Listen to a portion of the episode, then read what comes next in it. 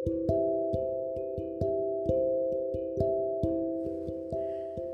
saudara, selamat malam.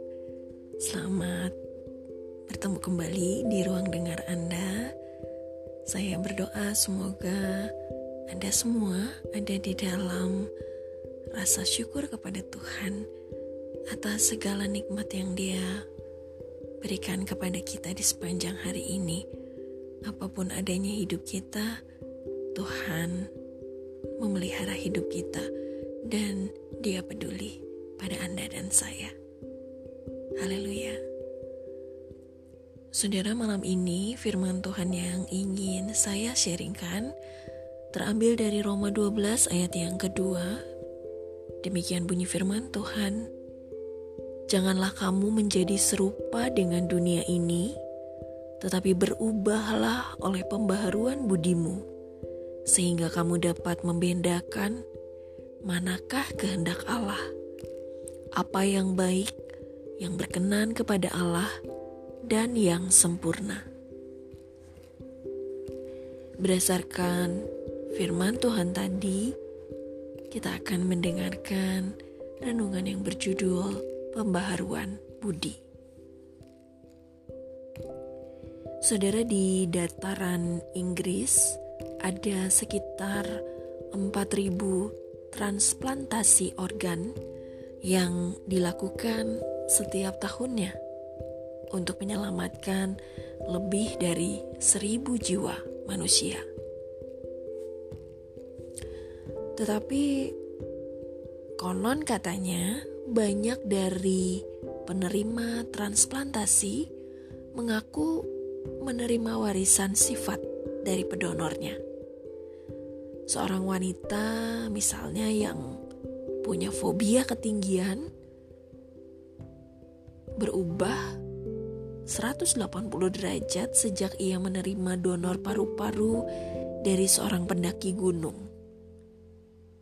Di lain kasus ada seorang pria muda yang berusia 26 tahun yang sebelumnya sangat tidak menyukai rasa pahit tiba-tiba begitu menginginkan bir hingga akhirnya menjadi pecandu bir dan membuka toko minuman keras setelah menerima donor ginjal dari seseorang yang tidak dikenalnya. Lain lagi dengan seorang pria yang berusia 52 tahun yang melakukan transplantasi jantung. Sejak saat itu, pria tersebut menjadi senang memasak dan suka memasakkan beraneka macam masakan untuk keluarganya. Saudara dalam Alkitab juga ada beberapa orang yang sifatnya telah berubah secara pribadi. Mereka tidak menjalani transplantasi anggota atau organ tubuh tentunya, tetapi roh mereka berubah. Paulus misalnya saat ia masih menjadi seorang Saulus, ia sangat kejam dan sadis.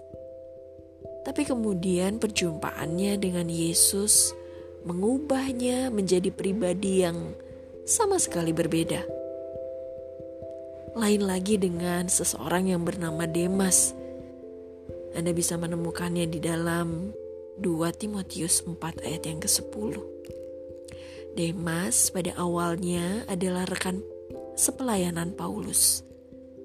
Tapi kemudian saudara ia berubah, meninggalkan Paulus dan pelayanannya karena Demas lebih mencintai dunia ini.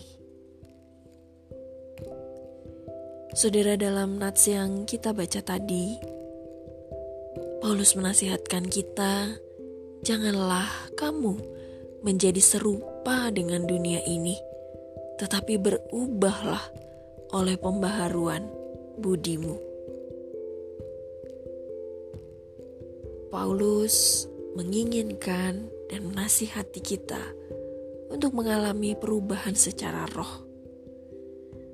Tentu saja perubahan secara roh akan memampukan kita untuk mengerti apa-apa yang baik dan yang berkenan kepada Tuhan.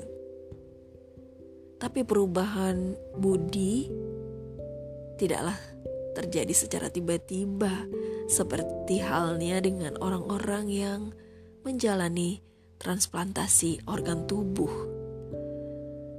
Tuhan selalu meluangkan waktu untuk kita siap diubahnya. Saudara, kita bisa menaati perintah-perintahnya untuk boleh mengalami perubahan di dalam budi kita.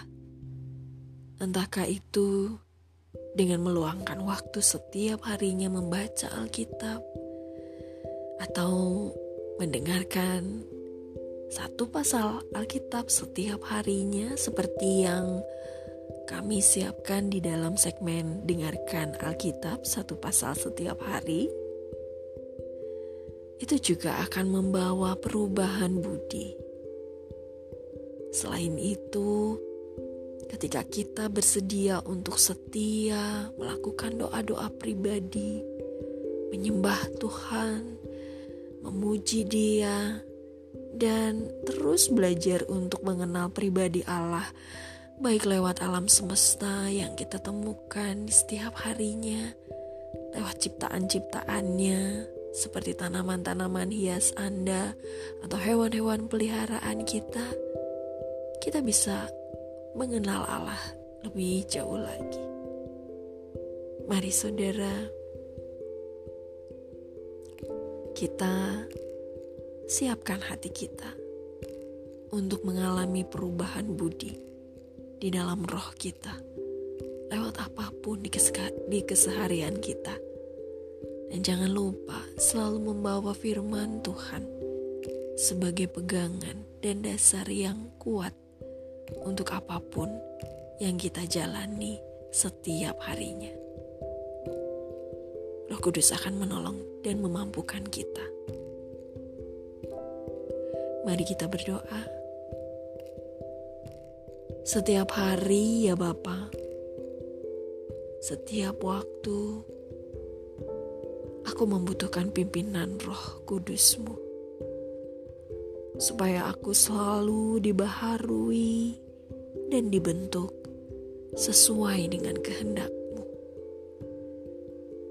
Aku begitu menginginkan ya Tuhan, bahwa hidupku ini semakin waktu boleh semakin berkenan di hadapanmu.